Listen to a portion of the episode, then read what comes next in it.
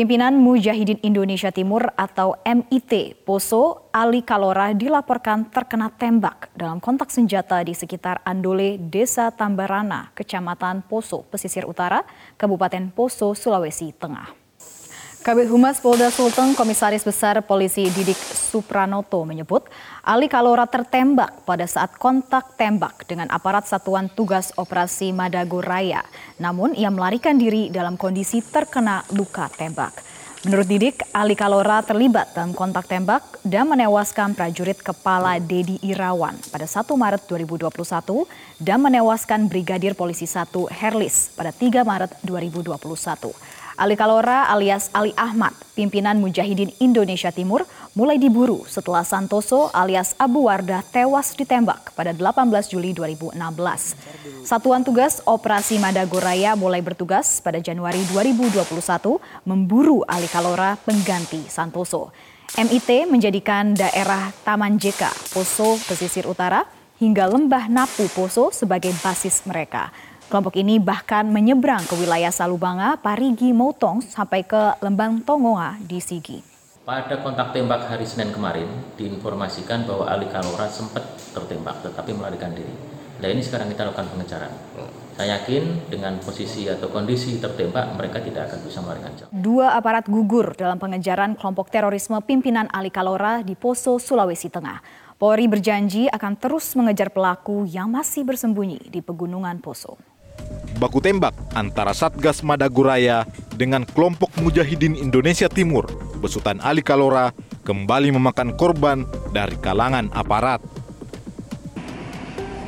Seorang anggota BRIMOB Polda Sulawesi Tengah, Bribtu Herlis, gugur saat kontak senjata di Pegunungan Jayatri, Desa Kilo, Kecamatan Poso Pesisir pada Rabu 3 Maret 2021.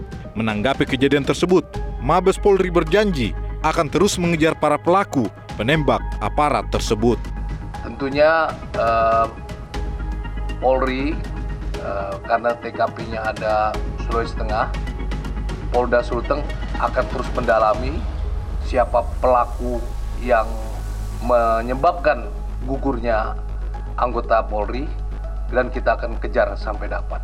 Dalam peristiwa yang sama, dua orang dari kelompok Ali Kalora dinyatakan tewas Keduanya adalah Alvin dan Hairul alias Irul. Mabes Polri tak menampik, Irul adalah menantu Santoso, salah satu gembong teroris Poso yang telah tewas pada 2016. Yang jelas kelompok ini sekarang kan berjumlah 11 ya. Kemarin tertembak dua, memang ada dalam kelompok itu.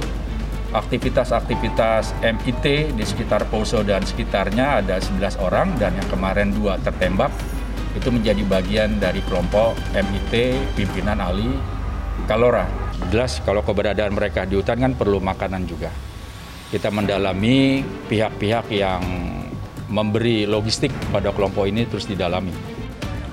Pada Selasa 2 Maret lalu, seorang anggota TNI dari Satgas Madagoraya juga gugur dalam kontak tembak dengan kelompok Ali Kalora Jenazah anggota TNI bernama Praka Dedi Irawan tersebut lantas dimakamkan di kediaman orang tuanya di Simpang 3, Bukit Raya, Pekanbaru Riau. Pemerintah Kota Tangerang hari ini melakukan vaksinasi COVID-19 untuk pelayan publik yang bertugas di Kota Tangerang, Banten. Informasi selengkapnya akan disampaikan langsung oleh Puja Lestari dari Kota Tangerang, Banten. Selamat pagi Puja, siapa saja target sasaran untuk vaksinasi di Kota Tangerang pagi hari ini? Ya, Sarah, hari ini pemerintah Kota Tangerang kembali melakukan vaksinasi untuk ribuan petugas layanan publik. Untuk target vaksinasi hari ini, target vaksinasi di antaranya ialah dikhususkan untuk petugas pelayan publik, di antaranya ialah untuk PNS, karyawan BUMN bidang perbankan, dosen, dan juga petugas layanan publik lainnya. Untuk vaksinasi di Kota Tangerang, hari ini vaksinasi dilaksanakan di dua tempat yang berbeda, yaitu yang pertama, vaksinasi dilaksanakan di Gedung MUI Kota Tangerang, dan kemudian vaksinasi juga dilaksanakan di Gedung Pusat Pemerintahan Kota Tangerang. Dinas Kesehatan Kota Tangerang menyebut bahwa untuk vaksinasi hari ini dilibatkan sebanyak 30 puskesmas. Untuk di gedung MUI sudah ada 2.927 peserta calon penerima vaksin yang terdaftar.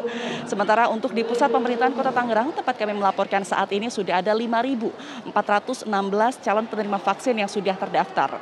Di pusat pemerintahan Kota Tangerang saat ini sudah ada 21 puskesmas Kota Tangerang yang saat ini tengah bertugas untuk melakukan vaksinasi ke target sasaran. Untuk di pusat pemerintahan Kota Tangerang, target sasaran dikhususkan untuk karyawan BUMN bidang perbankan, kemudian juga dosen dan juga pegawai pemerintah Kota Tangerang. Pegawai pemerintah Kota Tangerang ini merupakan kloter terakhir. Ini artinya setelah vaksinasi selesai dilaksanakan hari ini, seluruh pegawai pemerintah Kota Tangerang yang ada di Puspem Kota Tangerang sudah menerima vaksinasi dosis pertama COVID-19. Kami memantau bahwa vaksinasi sudah dimulai dari pukul 8 pagi waktu Indonesia Barat dan diawali dengan registrasi yang terletak di lobi depan gedung pusat pemerintahan Kota Tangerang. Kami memantau setelah selesai registrasi, maka kemudian peserta akan diarahkan menuju screening dan untuk di pusat pemerintahan Kota Tangerang ini sudah ada 30 jalur screening untuk mempercepat antrian. Di tempat screening inilah kemudian petugas akan mengukur tensi darah dari peserta dan apabila ditemukan peserta dengan tensi darah tinggi, maka peserta tidak diperbolehkan untuk menerima vaksin hari ini dan diminta untuk menunda vaksinasi untuk beberapa hari ke depan. Kemudian setelah melakukan screening dan dinyatakan siap untuk menerima vaksin, peserta akan diarahkan ke pos selanjutnya untuk menerima penyuntikan vaksin dosis pertama dan kemudian akan diarahkan ke pos terakhir atau observasi dan di pos observasi inilah peserta akan dipantau selama 30 menit untuk melihat apakah terdapat gejala ataupun efek samping dari vaksinasi yang telah dilakukan. Berdasarkan pantauan kami untuk vaksinasi di pusat pemerintahan Kota Tangerang, kami memantau bahwa jumlah jumlah pendaftar yang datang ke vaksinasi ini cukup ramai. Kami melihat bahwa hingga saat ini di registrasi masih terdapat antrian yang cukup panjang. Begitu pula di pos-pos screening juga masih terdapat antrian yang cukup panjang. Namun ratusan petugas dari Dinas Kesehatan dan juga dari Puskesmas Kota Tangerang yang sudah disiagakan tetap berusaha mengatur agar antrian ini sesuai dengan jarak aman yang sudah ditetapkan. Dan untuk vaksinasi di Kota Tangerang, vaksinasi hari ini merupakan bukan merupakan vaksinasi yang pertama. Kota Tangerang sudah melakukan vaksinasi pertama pada 25 Februari 2021. Untuk di Kota Tangerang dan untuk target sasaran pelayanan publik total ada 26.300 kota yang 13.000 kota di antaranya sudah melakukan vaksinasi pada 25 Februari dan 8.500 petugas pelayan publik lainnya yang hari ini akan divaksinasi. Sementara untuk warga Kota Tangerang lain seperti pedagang dan juga pengemudi transportasi umum ini juga sudah menerima vaksinasi pada tanggal 1 dan juga 4 Maret di tiga tempat yang berbeda yaitu di Pasar Malabar, di Pasar Anyar dan juga di Pusat Perbelanjaan Tangerang City. Dan selanjutnya vaksinasi akan dilakukan untuk lansia, namun hingga saat ini pemerintah Kota Tangerang belum mengetahui kapan vaksinasi untuk lansia ini akan diadakan karena saat ini masih dalam proses pengajuan. Pasca ditemukannya dua kasus varian baru virus corona B117 asal Inggris yang sudah masuk ke Indonesia, pemerintah pun memperketat proses screening di Bandara Soekarno-Hatta bagi para penumpang, baik WNI maupun WNA yang melakukan perjalanan luar negeri. Informasi selengkapnya akan disampaikan oleh Glory Nata langsung dari Bandara Soekarno-Hatta, Tangerang, Banten. Selamat siang, Glory. Bisa Anda jelaskan bagaimana prosedur penerbangan bagi penumpang dari luar negeri yang masuk ke Indonesia? Ya benar Sarah mengingat ada dua temuan kasus varian baru yakni virus COVID-19 B117 asal Inggris yang telah ditemukan di Indonesia. Tentu saja hal ini berdampak pada kebijakan baru yang diterapkan di Bandara Soekarno-Hatta untuk mencegah virus varian baru tersebut masuk ke wilayah Indonesia. Di mana untuk syarat penerbangan bagi penumpang yang telah melakukan perjalanan luar negeri ini dikhususkan bagi WNI dan juga WNA diwajibkan untuk selalu membawa swab test ataupun PCR test dengan hasil negatif COVID-19 di mana untuk hasil PCR test ini berlaku 3 kali 24 jam sebelum keberangkatan.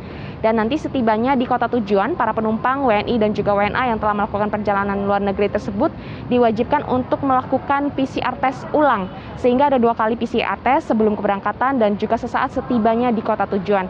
Dan setelah melakukan PCR test yang kedua, para penumpang ini diwajibkan untuk melakukan karantina selama lima hari. Dan untuk WNI yang masuk ke wilayah Indonesia melalui kota Jakarta di wajibkan untuk melakukan karantina yang di Wisma Atlet Pademangan dengan dibiayai oleh pemerintah. Sementara itu untuk WNA yang masuk ke wilayah Indonesia melalui kota Jakarta dapat melakukan karantina mandiri di hotel-hotel yang sudah disediakan oleh pemerintah tentu saja dengan biaya masing-masing. Selain itu juga selama proses karantina yakni lima hari ini dari pihak Kementerian Kesehatan akan terus memantau para penumpang WNI dan juga WNA tersebut dan nantinya setelah lima hari proses karantina para penumpang diwajibkan untuk kembali mengambil PCR test. Selain itu juga hingga saat ini dari pihak Satgas COVID-19 Indonesia ter terus melakukan monitoring dan juga evaluasi terkait dengan temuan kasus varian baru COVID-19 yakni B117 yang telah ditemukan di Indonesia. Untuk itu dihimbau kepada seluruh masyarakat Indonesia agar tetap mewaspadai perkembangan virus corona dan disiplin protokol kesehatan.